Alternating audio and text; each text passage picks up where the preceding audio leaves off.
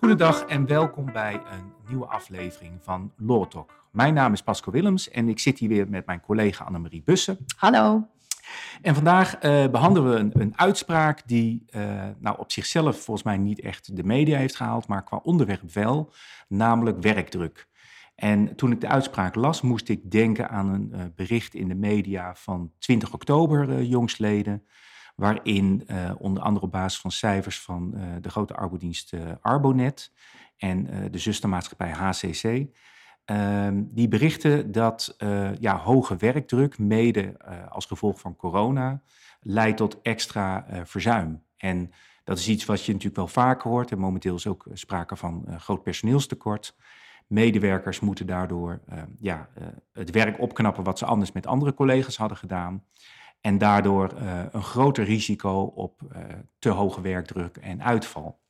En mogelijk waarschijnlijk ook omdat er veel thuis wordt gewerkt, waardoor um, het, ook de verleiding heel erg groot is om langer achter je beeldscherm te blijven zitten, om langer nog even door te werken en waardoor ook nog een keer weer werk- en zorgtaken door elkaar gingen lopen, waardoor mensen niet goed hebben kunnen ontspannen. Ja, dat is wat je tijdens coronatijd inderdaad ook hoorde. Dat kwam uit dat bericht wat ik heb gelezen niet op zichzelf niet naar voren, maar uh, dat de hoge werkdruk momenteel een, een, ja, een item is, een issue. Dat is een ding wat, uh, wat zeker is. En dat sluit mooi aan bij een uitspraak die we vandaag met, uh, voor jullie willen behandelen. En dat is de uitspraak van Gershof den Bos. De uitspraak is gedaan op 8 september jongsleden. En dat ging over een, een zorgmedewerker. Um, en daar gebeurde nog wel wat uh, bijzonder. Zorgmedewerker, uh, een jaar of uh, 48, sinds 2007 in dienst, um, als verzorgende IG zoals dat heet, 28 uur per week. En zij werkte met name in de nachtelijke uren in een woonzorgcentrum voor ouderen. Een vrij groot centrum als ik het zo, zo lees. een aantal zorgappartementen, een aantal ook met PG-bewoners, 12 PG-bewoners, dat is psychische geriatrie. En, um, en een verpleegafdeling nog eens een keer. Um, en wat gaat deze werkgever doen? Die gaat een nieuw systeem invoeren. Eigenlijk een automatiseringssysteem, een ja. zorghulpsysteem. En dat noemen ze het transformatiemodel ouderenzorg. TMO. Ja, wat je ziet is dat deze, dat deze zorginstelling um, hè, als gevolg van automatisering zegt van joh, dit moet toch, hè, dit moet toch um, um, nou, efficiënter kunnen. Dus volgens mij komt het erop neer dat zij um, hè, via, via beeldverbinding gaan werken. Dus als er een zorgoproep is, was er vroeger, kan ik me voorstellen, een belletje waar je op drukte en dan kwam, nou ik mag het niet zeggen de nachtzuster, maar dan kwam degene die ja. dienst had, die kwam kijken wat is er aan de hand, wat kan ik voor u doen. En daarvan uh, zegt deze werkgever, deze zorgorganisatie, wat wij gaan doen is wij gaan dat via beeldverbinding, gaan we dat proberen af te handelen, zodat iemand niet hè, echt daadwerkelijk naar de cliënt naar de bewoner toe hoeft, maar hè, met beeldverbinding kan aangeven, nou, dit kunt u zo oplossen of hè, gaat u lekker verder slapen, het is nog helemaal geen ochtend. Ja. En uh, deze medewerkster, ja, die wordt uh, in haar manier van werken daardoor uh, ja, ontzettend geraakt. Of in ieder geval voor haar verandert er heel veel. Ja, en voor haar collega's ook. Want in de uitspraak lees je dat twee collega's die normaal ook in de nachtdienst werkten, het, het hebben opgezegd. De bedoeling is dat het automatisch systeem ervoor zorgt dat er minder mensen in de nacht nodig zijn. Dus dat betekent ook dat ze alleen moeten gaan werken. En de uitspraak maakt daar melding van dat een van hen opzag tegen het alleen uh, werken. En in ieder geval om die reden het heeft opgezegd. Um, dus de, het systeem ondersteunt de medewerkers, zorgt ook voor ja, uh, zeg maar besparingen of minder inzet van personeel. Uh, maar dat is inderdaad niet zonder, uh, zonder gevolgen geweest. Nee, en, en je ziet ook in de uitspraak dat er wordt aangegeven, nou, dat invoeren van dat nieuwe systeem verliep niet helemaal vlekkeloos. En hè, het, het systeem vertoonde kinderziektes. En um, de werknemster waar het in deze zaak over gaat, die ervaart door, daardoor een hoge werkdruk. Ja. En dat kaart ze ook aan. Dat laat ze ook volgens mij verschillende keren per e-mail laat zij wel weten van nou, dit, dit, is, hè, dit is niet um, um, de manier waarop ik hè, goed kan werken. Ik, ik ervaar dit als, als heel vervelend. Ik ervaar daar stress door. En um, wat je dan ziet is dat de, de organisatie wel nou ja, daar een soort van naar kijkt en naar een soort oplossing zoekt. En er komt dan op een gegeven moment ook een, een zwerfwacht, zoals dat wordt genoemd. Ja, er komt wat, wat ondersteuning inderdaad. Want zij maakt inderdaad in die mails maakt ze een melding dat met name tussen half zes en zeven is het spitsuur. Dat, dat kan je ook voorstellen, worden bewoners wakker. Ja. En die worden allemaal rond datzelfde tijdstip wakker. Uh, dus waar je normaal in de nachtdienst incidenteel iemand hebt die, die hulp nodig heeft, worden ze dan allemaal wakker. Ze maakt er ook melding van. Uh, hè, van ik, ik sta alleen voor 170 bewoners, dus ja, uh, help me daar een beetje bij. Um, en uiteindelijk leidt dat inderdaad tot een soort zwerfwacht, die dan ook, ja, dan, ik denk verschillende locaties of, of zo ondersteunt. Um, maar dat uiteindelijk leidt er niet toe dat dat haar voldoende helpt. Nee, want hè, op een gegeven moment meldt zij zich ook ziek. Dan hebben we het volgens mij over 13 juni 2018. Terwijl het systeem in, uh, volgens mij in de zomer, in juni 2016, is, uh, is ingevoerd. Dus hè, twee jaar lang heeft deze mevrouw het geprobeerd, wel aangekaart. Nou, dit werkt zo niet. Ja. Dit, hè, dit levert te veel, uh, te veel werkdruk op. Dus zij meldt zich dan ziek en dan in een gesprek na haar ziekmelding, een kleine twee weken later, dan zegt ze, ja, ik hou dit zo niet vol en ik, ik wil dan maar urenvermindering. Want hè, ik, nou, dat zie je natuurlijk vaak bij zorgmedewerkers, die hebben wel een hart voor de zorg. Um, maar ja, op een gegeven moment gaat het dan ten koste van de eigen gezondheid. En dan vraagt zij dus om minder uren te mogen werken. En dat wordt dan ook afgesproken, voorlopig 16 uur in plaats van haar gebruikelijke 28 uur per week. Um, dat houdt zij dan nog een paar maanden vol, maar tijdens uh, een nachtdienst, 18 september 2018, dus zo'n twee, drie maanden later, valt zij opnieuw ziek uit. En dan blijkt het gewoon niet mogelijk om uh, te hervatten in haar eigen werkzaamheden. En dan um, wordt na 104 weken arbeidsongeschiktheid, wordt er ook met toestemming van het UWV door de werkgever uh, de arbeidsovereenkomst wordt opgezegd na langdurige arbeidsongeschiktheid. En wat hier denk ik dan wel uh, van belang bij is, is dat uh, er wordt vermeld in de feiten dat de werkgever uiteindelijk toch heeft afgezien van het verder invoeren van het nieuwe systeem. Ja, dus kennelijk was dat geen groot uh, succes. Nee. Overigens, wat ik me zat af te vragen in instantie toen ik de uitspraak las van... oké, okay, zij is dan ziek, uh, zij trekt het niet, dan zegt ze op een gegeven moment ik ga minder uren werken... Uh, maar of dat dan in het kader van de ziekmelding doorliep of niet. De, en de uitspraak zegt er maar iets heel korts over. Ze zegt namelijk dat uh, zij uh, gedurende een jaar 24 uur in plaats van 28 uur per week gaat werken. En dat zij wekelijks 8 overuren opneemt tot het einde van het jaar. Dat suggereert eigenlijk dat zij zich hersteld meldt ja. en vrijwillig de arbeidsduur tijdelijk terugbrengt. Maar dat klopt ook wel als je die 104 weken periode daarna ja, pakt. Ja. Maar dat is wel, vind ik wel in die zin een, een, nou ja, een feit waar we even bij stil kunnen staan omdat wij gewoon weten dat er bijvoorbeeld door het Oogziekenhuis Rotterdam een aantal jaar geleden ook hè, in een dergelijke constructie bij een werknemer zei van joh, ik, ik trek het eigenlijk niet meer, ik, ik meld muziek. En toen is daar ook voor de oplossing gekozen. Nou, dan ga je, hè, ga je minder uur werken. En dat was ook wel op verzoek van die werknemer zelf. Alleen vervolgens heeft die werknemer, volgens mij was dat na zijn pensionering of ook nadat er toch een langdurige periode van ziekte was geweest. Van ja, maar luister, ik heb inkomsten uh, gemist. Want ik ben minder gaan werken. Terwijl eigenlijk was hier de oplossing geweest. Je had mij ziek moeten melden. En vanuit die route had ik nog twee jaar lang gewoon mijn overeengekomen aantal uren. Volgens mij was het daar 36 uur. In plaats van die 28 uur die ik uit mezelf ben gaan werken. Had ik moeten krijgen twee jaar lang tijdens ziekte. Ja. En daar is toen op grond van het goed werkgeverschap aangenomen dat er een schadevergoeding betaald moest worden. Ja. Uh, het verschil tussen het aantal uren dat de werknemers op eigen verzoek minder is gaan werken. Ja, de, de, uitspraak laat niet zien waarom daar hier niet voor gekozen is. Dat kan ook zijn omdat daar simpelweg niet aan gedacht is. Uh, het Hof maakt wel melding van de feiten, maar ja, als je het niet als vordering of zo ten grondslag legt, dan hoef je daar verder niks mee te doen. Hè. Dit is alleen voor de feitelijke opbouw naar de, de vordering aan zich, die hier uh, ter discussie staat, wel van belang, maar niet de vraag, had daar wel of niet een ziekmelding moeten plaatsvinden? Maar ik denk dat heel veel luisteraars, als je zo de feiten opnoemt, dat die dan zeggen, hé, hey, maar hoe zit het dan met die, met die uren? en is dit gewoon aanpassing van, de, van het eigen werk? En ik denk inderdaad dat je het zo moet zien. Daarmee zou de uh, wachttijd natuurlijk wel eerder voorbij zijn geweest dan in dit geval. Maar ik ben het helemaal met je eens, daar zit nog wel een, een vordering uh, in. Daar is in deze casus uh, niet op doorgegaan. Waar dit uiteindelijk naartoe gaat, is de, de arbeidsovereenkomst wordt na 104 weken beëindigd. Door opzegging, dat is 1 november 2021. En dan wil deze medewerkster die wil een schadevergoeding hebben. En die begint te stellen van, nou ja, hier is sprake van ernstig verwijtbaar handelen door de werkgever. Want uiteindelijk heb jij een systeem ingevoerd waardoor ik uh, arbeidsongeschikt ben uh, geworden. En uh, daardoor leid ik schade. En daar, daardoor heb ik recht op een billijke vergoeding. Maar subsidiair is sprake van schending van de zorgplicht. Artikel 658 van boek 7. En op grond daarvan wil ik een schadevergoeding hebben. En, en dat is wel aardig, want dat, dat gebeurt pas in hoger beroep. Wordt pas de vordering aangevuld. Dus eigenlijk in eerste aanleg, zoals dat heet, dus bij de kantonrechter, wordt um, alleen maar gevraagd om die billijke vergoeding van, volgens mij uh, bijna 80.000 euro bruto, plus dan nog 10.000 euro netto.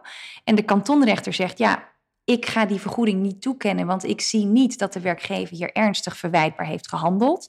Dat is ook een hele hoge, hoge drempel. Dat heeft, dat heeft de Hoge Raad uh, nu wel duidelijk gemaakt in, in een aantal uitspraken. Van, hè, dan moet je echt hè, dat, dat, dat ernstig verwijt behandelen van de werkgever. Soms verdient iets niet de schoonheidsprijs. Of had het misschien anders gekund. Maar dat betekent niet meteen dat er sprake is van ernstig verwijtbaar handelen van de werkgever. Dus de kantonrechter zegt, nou werknemster, u krijgt van mij geen billijke vergoeding.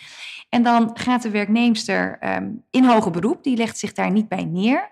En dan um, nou ja, wordt er eigenlijk een, een extra vordering nog ingediend. Van nou, als het dan niet via de route van de billijke vergoeding kan zijn, ze zegt nog steeds dat vind ik wel. Maar ja, dan vind ik dat inderdaad de zorgplicht geschonden is door mijn werkgever. Ja, en, en het Hof gaat er dus ook mooi af. Hè? En die zegt dan, ah, wat betreft die billijke vergoeding in het kader van uh, ernstig verwijt behandelen, heeft de werkgever uh, steken laten vallen bij het invoeren van het systeem.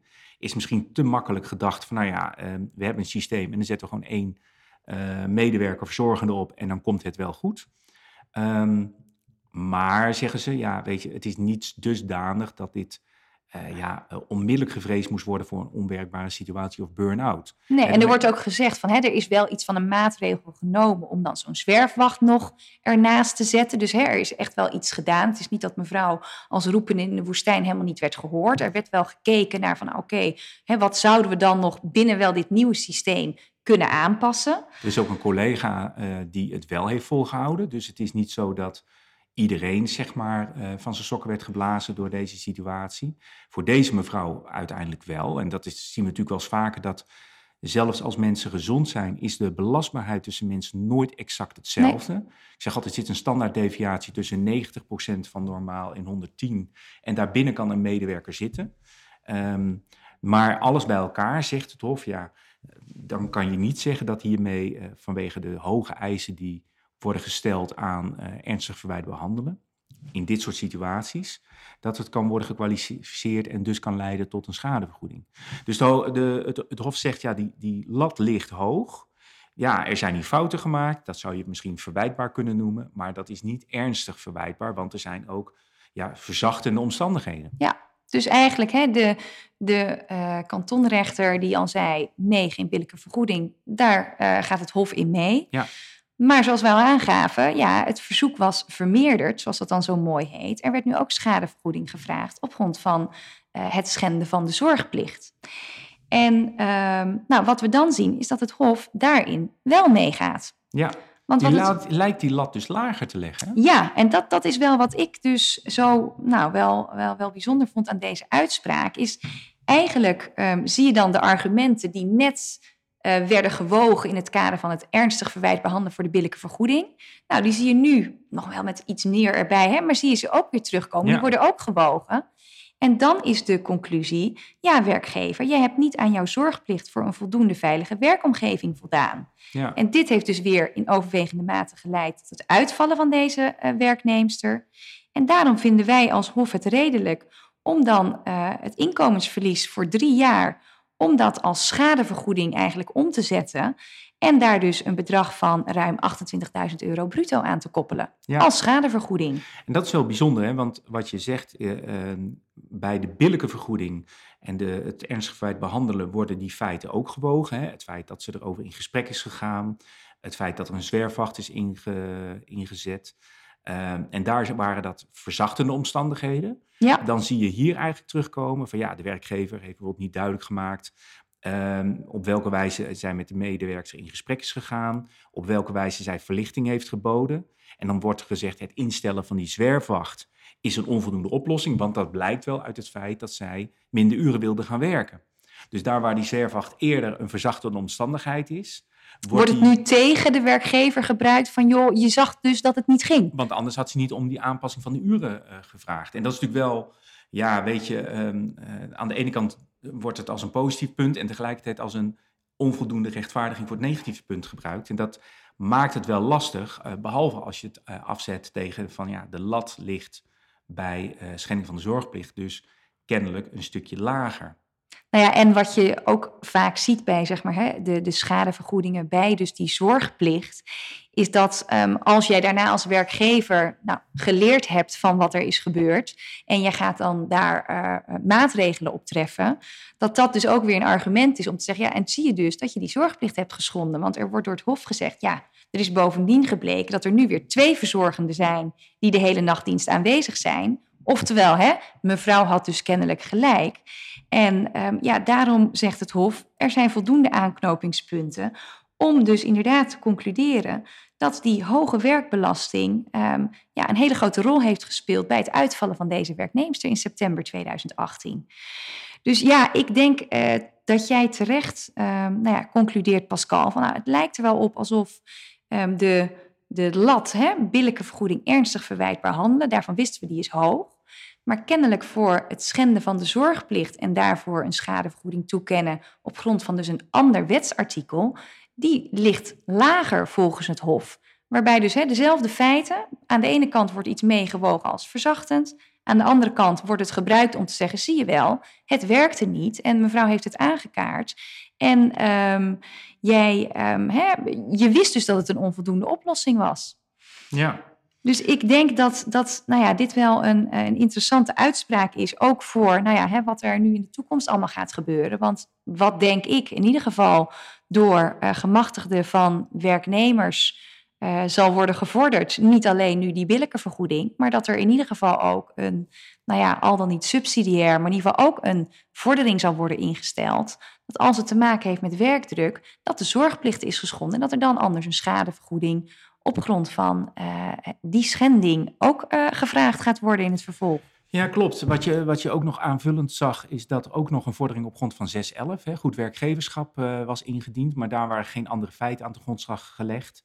En dus omdat je al op 658 voor vergoeding in aanmerking komt, hoeft 611 dan niet meer behandeld te worden. Maar dat zou dan nog een vangnet Daarnaast, zijn. dus nog een soort derde optie. En uh, ze had uh, inkomensverlies gedurende zes jaar gevorderd. En daarvan heeft het Hof gezegd, nou wij vinden uh, het redelijk om een periode van drie jaar in acht te nemen. Het Hof onderbouwt niet hoe zij aan drie jaar komt. Um, zeg alleen van ja, het is voornamelijk aan, aan de werkgever in dat invoering van het systeem te wijten. En wat ik wel een interessante vind, is dat we, we hebben natuurlijk de herstijlarresten van de Hoge Raad, waarin uh, de on, zeg maar, hoe je tot die billijke vergoeding komt in de zin van ernstig verwijt behandelen. En dat we moeten spiegelen. Je moet eigenlijk hè, dus, dus wegdenken wat er mis is gegaan. En dan gaat voor het begroten van de schade ga je dan kijken van nou, hoe lang had de arbeidsovereenkomst dan nog voortgeduurd? Precies, en dat zou je kunnen zeggen in dit soort situaties van ja, misschien is dat ook mm, twee jaar, ik noem maar even wat. Zou zomaar kunnen. En die drie jaar die hier genoemd wordt, die wordt verder niet onderbouwd. En ja, ik kan me zomaar de situatie voorstellen dat uh, de hogere lat van het ernstig verwijt behandelen tot een lagere vergoeding leidt dan uh, zeg maar deze uh, zorgplicht. Want daar lijkt veel minder ehm, sturing in te zijn. Het is natuurlijk, je moet de zorgplicht en wel schade. Maar het Hof heeft hier kennelijk een ruime mate van uh, openheid uh, genomen qua duur, die drie jaar. En waarom het drie, vier of vijf jaar moet zijn, uh, zeggen ze niet.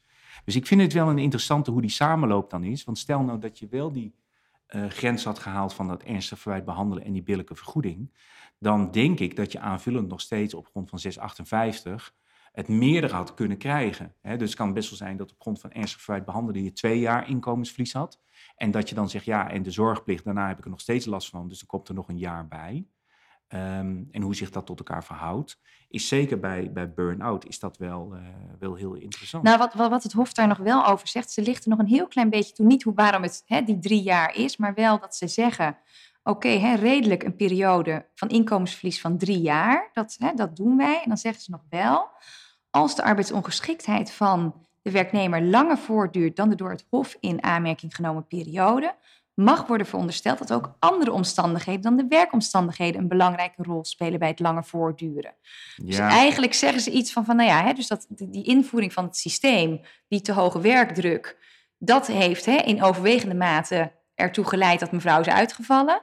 Maar als het dan dus kennelijk langer dan drie jaar gaat duren, ja, dan zullen er misschien ook nog wel andere omstandigheden zijn. Hè? Misschien privé of iets anders. Vind ik, vind, ik, wel, wel, bijzonder. Ja, zeker als je daar geen, uh, geen onderbouwing voor hebt. Want eigenlijk zegt het Hof van, van een burn-out heb je dus drie jaar last.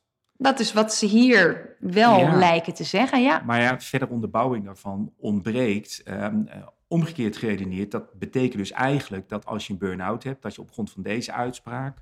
Zou Drie jaar inkomensverlies zou kunnen claimen. Ja, dat is, dat is al in de pocket. Ja.